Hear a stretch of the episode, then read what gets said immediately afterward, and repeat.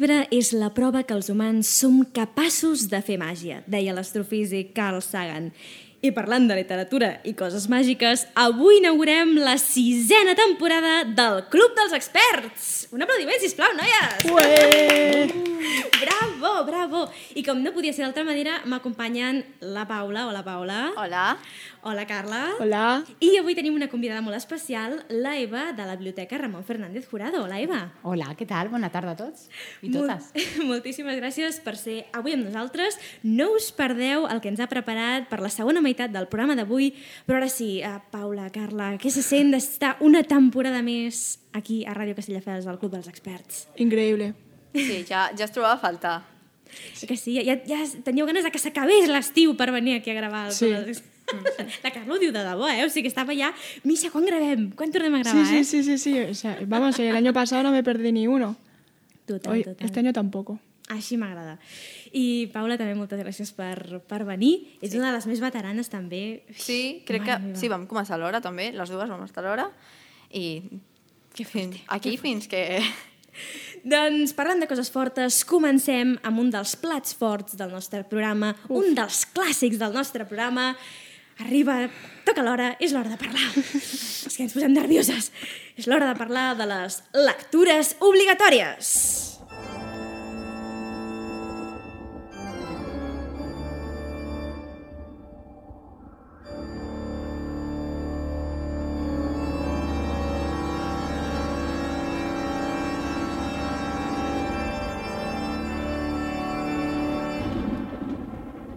Muahaha. I és que no ens enganyem, les lectures obligatòries a vegades poden ser bastant terrorífiques i com que hem començat un nou curs, havíem d'encetar també aquest, aquest clàssic debat. Les lectures obligatòries eh, que us han fet llegir aquest curs, quina pinta fan? Us han, fan bona pinta, fan mala pinta? Com ho teniu? I també, Eva, no et pensis que, que et deslliuraràs de participar, eh? Jo vull també que ens parlis, després ves pensant quina lectura obligatòria recordes t'han que t'han fet llegir i que et va agradar o no, d'acord? Tant positiu com negatiu. Doncs, Paula, Carla, recordeu-me quin curs heu començat cadascuna i teniu ja lectures obligatòries assignades? Primer de batxillerat, les dues. Sí. Eh, y si nos han asignado un montón, bueno, yo tengo un montón. Sí, yo también. Y em, pues bueno, pues bachillerato ya no pinta bien, entonces las lecturas obligatorias pues tampoco pintan bien. Ten- tengo Tirán lo Blanc. Yo tengo los episodios amorosos del Tirán lo Blanc. En plan, no tengo todo el Tirán Sí, lo sí, Blanc. sí, yo también, también, ¿no? episodios amorosos. Eh, no, no tengo ganas. es que en mi instituto, en plan, ningún año ha habido ningún libro, ah, bueno, a ver, un par, pero de, todo, de los cuatro años, eh, que solo haya habido un par que sean, bueno, que me hayan gustado a mí, pues eh, de bachillerato no, no me espero mucha gran cosa, ¿verdad? Oh, bueno, pena. así, así, si no hay uno que no esté tan mal, tan mal, pues me gustará un poco más. Ostres, o sigui, el menys pitjor. Sí. Aspires a trobar el menys pitjor de les lectures obligatòries. Oh, quina pena. I tu, Paula, com ho veus? Yo, bueno, a ver, yo, eh, como si con su bachillerato no fuera suficiente, aparte me he apuntado a literatura universal. Ostres! porque soy un poco masoquista. Entonces, claro, las de castellano y catalán son, pues claro, eh, los episodios amorosos del Tirán Blanc, nada de Carmen Laforet, que me han dicho que está bastante bien. Entonces, bueno, tengo un poco de fe. Ah, un moment, perdó. Um, és que has dit nada de Carmen Laforet i, per què ens diu el que no llegeix? No ho entenc. Ah, vale, perdó, és el títol. Ha habido un colapso, És ¿no? Mental. Sí. Eh, y claro, literatura universal sí que me motiva un poco más porque tengo pues eh, Otelo, ahora me estoy leyendo, bueno, ya, ya he acabado casi, Tristán y Isolda, la historia de Tristán y Isolda, que estoy enamoradísima, perdida, o sea, todo lo que sea romance medieval para mí es divino. Doncs si t'agrada romans medieval, et recomano molt Curial i Güelfa. Me suena muchísimo creo que lo he estudiado en el colegio. És també és una miqueta el patró aquest d'un amor impossible, en aquest cas és un, entre un cavaller i una dama, que és una miqueta com que uh, l'esponsoreja perquè es converteix en un bon cavaller. Bàsicament li paga tot l'entrenament perquè, perquè es converteixi en un bon cavaller. És un, com se li diu això? Un sugar mami? És una sugar mami? una mica això, sí. doncs us el recomano molt, té molta aventura, molta intriga, molta salseo també, i el va reeditar fa relativament poc a l'editorial Barcino a català, traduït al català eh, actual. Ah. Vull dir que està molt i molt bé. Doncs, apa, fins aquí la meva recomanació. Alguna altra que ens vulguis parlar de lectura obligatòria, No, Paula? prin- en principi está, ya... D'acord. a lo, largo del curso ya veremos. Ho veus, ho enfoques de manera positiva? Creus Sí. que t'agradaran? Yo sí? creo que sí. Perfecte. Anem bé, anem bé. No, pero ¿sabes mi parte buena? Que, Digas, como, digas. que como haya alguno, en plan, que no sea tan horroroso, yo al tener las expectativas tan bajas, me gustará un poco más y lo sobrellevaré mejor. Si haya, por ejemplo, si va con las expectativas muy altas o algo así, tipo, van a estar bien, como hay algo que no le guste, lo va a pasar peor. Así que... Seguramente. así que bien. Em recordes, Carla, a un títol de, de Risto Mejide que té un llibre que es diu Piensa mal i acertaràs. doncs pues, pues sí. Que m'han recordat d'un llibre fantàstic que estem llegint, que espero que el tingueu a la biblioteca mm. perquè crec que tothom l'ha de llegir, que es diu eh, Canto jo i la muntanya balla. Ah, Sí, de la Irene Solà. Sí, sí. Hi ha l'obra de teatre que Sí. la Perla 29 la Sí. fa habitualment. i L'ha tornat a fer al, al teatre, de, ai, al teatre, a, a la, Biblioteca, de Catalunya. Nacional, a, bueno, a la Sí. Biblioteca Nacional és on Correcte. ta- Sí. És Molt que, xulo. a veure, no era obligatori per l'escola, però m'he apuntat a creació literària. Que yo también, que, iba- que quería hablar de ello. Perdón. Ara te doy. Jo, No, no, no, jo no, hablo no. del llibre, tu hablas de l'assignatura. Exacte, digues, digues, Paula. Eh, llavors, la nostra professora, que és així joveneta i tal, que es mou molt per Barcelona, pues, eh, crec que va veure l'obra de teatre i es va comprar el llibre i tot, i li va encantar, i se l'ha rellegit 40 cops, i ens va dir a nosaltres de llegir-lo i tal, i al final vam decidir que sí, i m'està encantant. O sigui, cada pàgina té com 40 frases subratllades, és una obsessió. I ara introduzco la Carla. En plan, en mi, en mi asignatura de creación literaria no es leer, sino escribir. Wow. Entonces, eh, tengo muchas ganas porque voy- vamos a escribir cositas, novelas y tal. Que guai. Mira, fins ara, quan hem, eh, quan hem fet la secció del meu relat aquí al Club dels Experts, normalment ens portaven relats la Paula, la Júlia... I tu, Carla, ostres, quina il·lusió que ara t'estrenis. Uh, No, yo entregué algo. Alguns també, però vull dir, no, potser no et veia tan entregada a la creació literària com... No, no, no, he altres. estado entregada. Sí? Sí.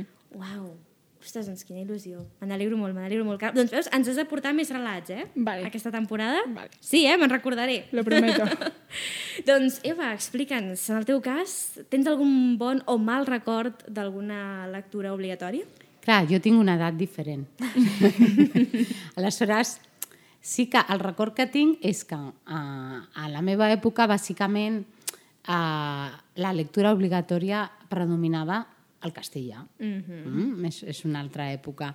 I recordo, per exemple, jo amb bon record també és cert que m'agradava llegir, aleshores és difícil, però l'àrbol de la ciència uh. a mi em va agradar, complicadet, Tiempo de silencio, d'una Espanya més costumbrista.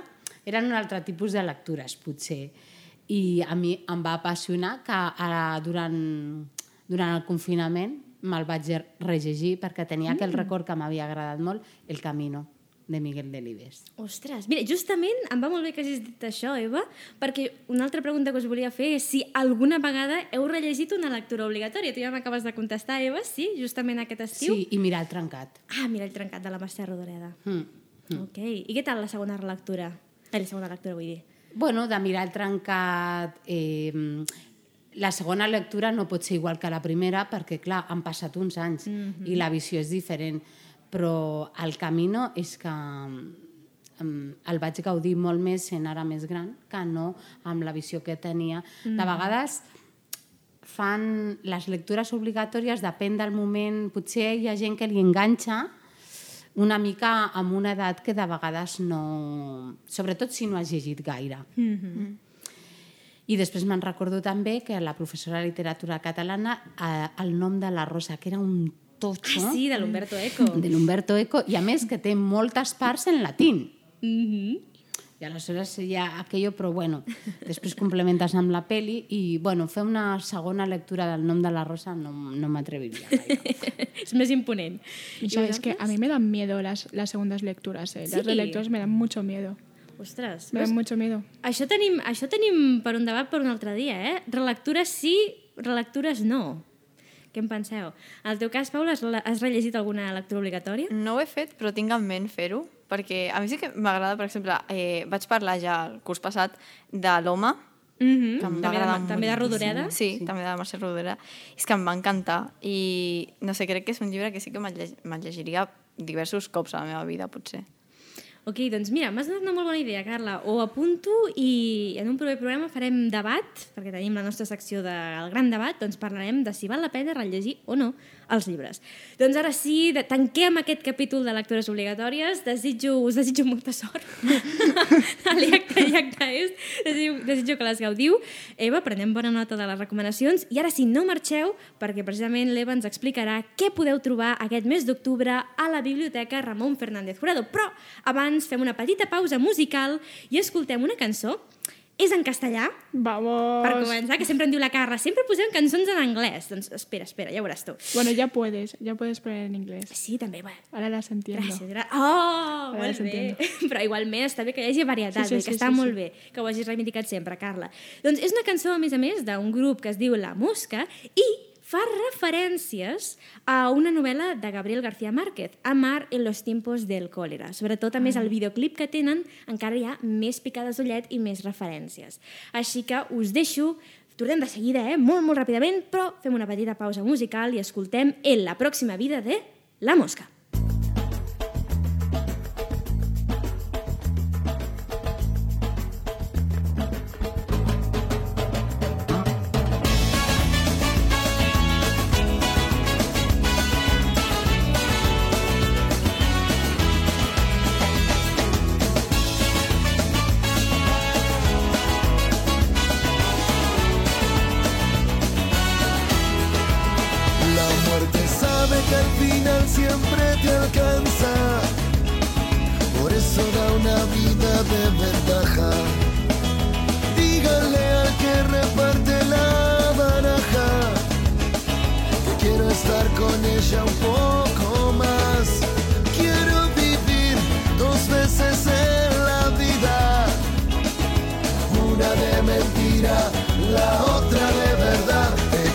Equivocarme para ya no equivocarme. Conocerla y no dejarla equivocar.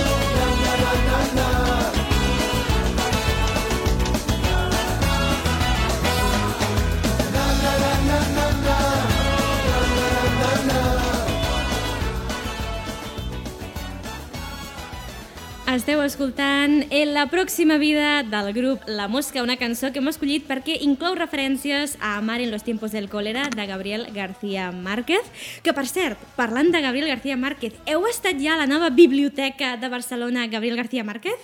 No. No pot ser, Eva, tu tampoc. No, vaig ser la setmana vinent. Oh, que guai! Ok, doncs ja ens diràs, ja ens explicaràs. Jo sí que hi he anat, és, és meravellosa.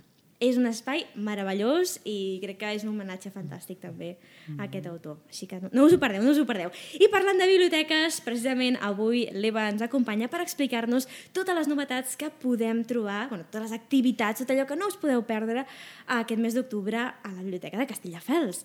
Així que, Eva, quan vulguis, què ens espera aquest mes d'octubre?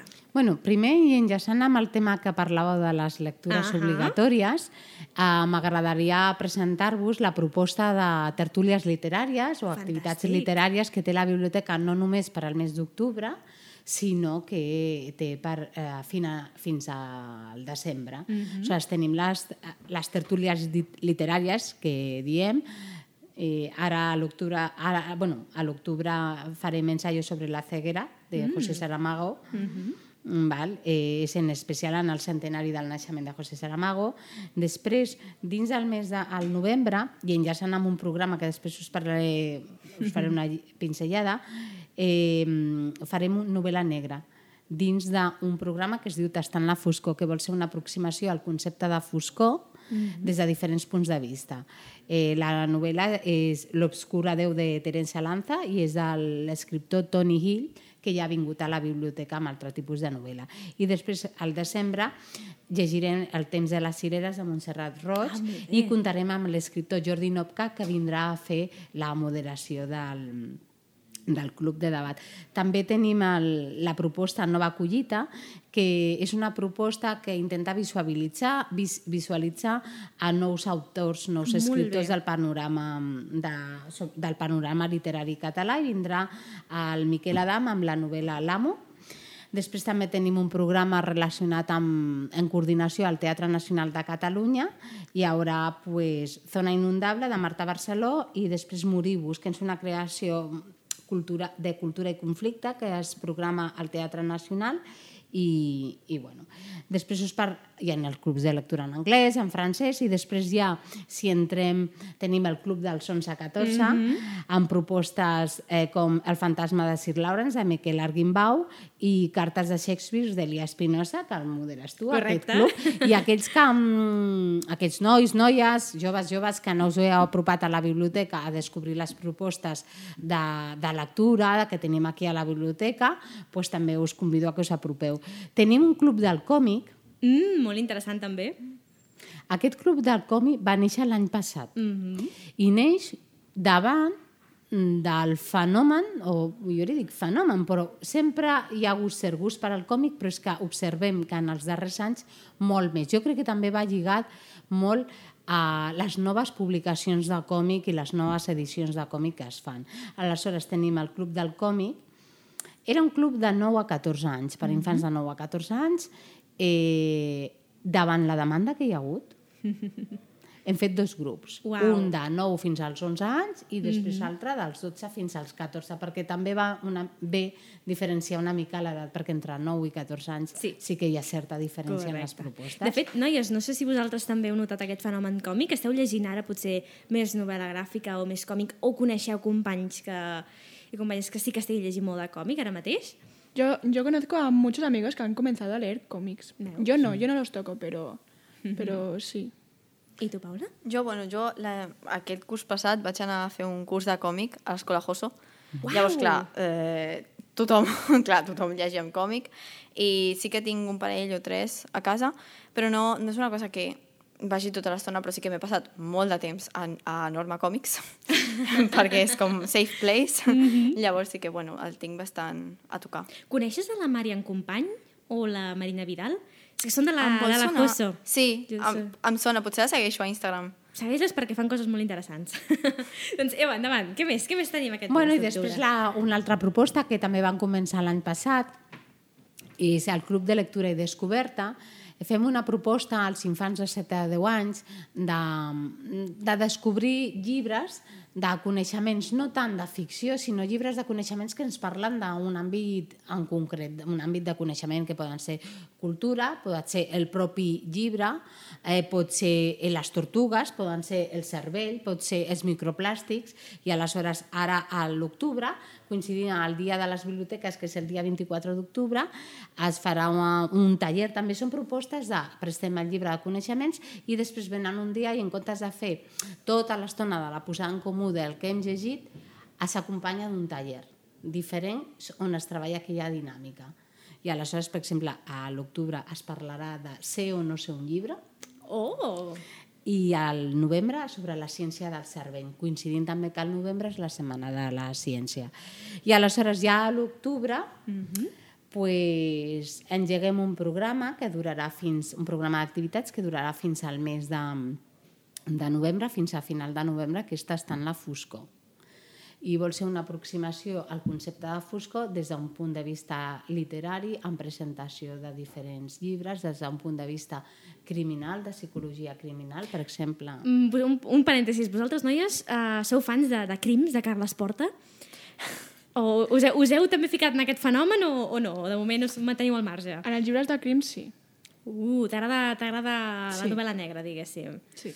Jo, així més fosc, eh, algun relat, que, perquè, tipus, Tumblr i tot això, he tornat a Tumblr, vale? sóc una xica Tumblr, eh, però he tornat i llegeixo relats curtets de misteri. I lo de Carles Porta, no, encara no he caigut, m'estic mantenint encara ferma. Jo també, jo de dir que soc, crec que sóc de les poques catalanes que no ha seguit crims de, de Carles Porta. Però, en fi, que, com que hi ha molta gent que li interessa, crec que Bueno, a veure, en relació al crims de Carles Porta com a fenomen televisiu, mm -hmm. jo haig de dir que jo sóc fan de crims, però del format ràdio, Mhm. Més que no pas de televisió. sí, perquè el format ràdio mm. va començar quasi bé fa 3 o 4 anys. Ostres, no ho O sabia, sigui, això. primer és el format ràdio, Catalunya Ràdio, i després, que jo sóc fanàtica de ràdio, bueno, i després, donat que el podcast es descarregava molt i que tenia... Jo, jo crec que després ha passat aprofitant també l'embranci de tot el tema negre i criminal, que digo jo, mm -hmm. ha passat en format televisió i ha tingut el resultat que, que ha tingut. En relació amb això, vindrà el Iago, el Iago Zamora, que és el periodista que ha seguit el cas de la- de l'assassinat de, la Helena Jovany, una bibliotecària, i ha fet un llibre sobre això, qui va matar l'Helena Jovany, i vindrà a la biblioteca vindrà també la... però això serà ja el, el Iago vindrà a l'octubre. I ja per novembre hi haurà més coses com la Sheila Queral que és una lingüista forense Uh. que analitza no la grafia de com s'escriu, això és molt interessant, sinó que podria analitzar, per exemple, com parlem i ens podria diferenciar amb un àudio com parlem, les pauses, com escrivim, la puntuació, és a dir, wow. fa un perfil de les persones en relació a com ens expressem i com escrivim. Fascinant. Però, bueno, això ja està. I a l'octubre pues, seguim amb, amb a la projecció del, del, dels documentals dins del cicle Docs Barcelona. Sempre molt interessant els que porteu. Sí, eh, projectem Rebellion eh, eh, per, el, el dia 27 d'octubre. Extinction Rebellion és un grup d'acció directa contra el canvi climàtic mm -hmm. i és un moviment ecologista que va veure com el 2008 emergia un, un nou col·lectiu que apostava per l'acció directa i la desobediència civil. És una mica en un documental entre qüestions ambientals i està amb un, amb un, enfocat, amb un enfoc del thriller social, eh? també, sobre aquest grup de d'acció climàtica. Doncs, Eva, no tenim temps per més, però jo et demano on podem trobar tota la programació, perquè sé que feu un butlletí superxulo cada mes. Llavors, on podem, si volem saber tot el que heu preparat per aquest mes d'octubre, on ho podem trobar? Doncs mira, estem presents a les xarxes, estem presents també, tenim la pròpia web, que jo recomano que és allà també. Les xarxes, diguem-ne, les utilitzem de manera més puntual per fer difusió més puntual d'algunes de les activitats, però al nostre web, de la biblioteca, allà està penjada tota la programació i després també a través de l'agenda de l'Ajuntament de Castelldefels doncs també podeu trobar la programació. Perfecte. I jo ja dic, des de la web us animo que també us subscriu al butlletí perquè jo el rebo cada mes i està molt i molt ben fet. Així que, Eva, moltíssimes gràcies A per haver-nos acompanyat en aquest primer programa de la sisena temporada del Club dels Experts. Gràcies, Carla, gràcies, Paula. Ens veiem la setmana vinent, oi? Sí. M'ha encantat això. Vinga, doncs no hi faltarem. Fins a la propera. Adéu!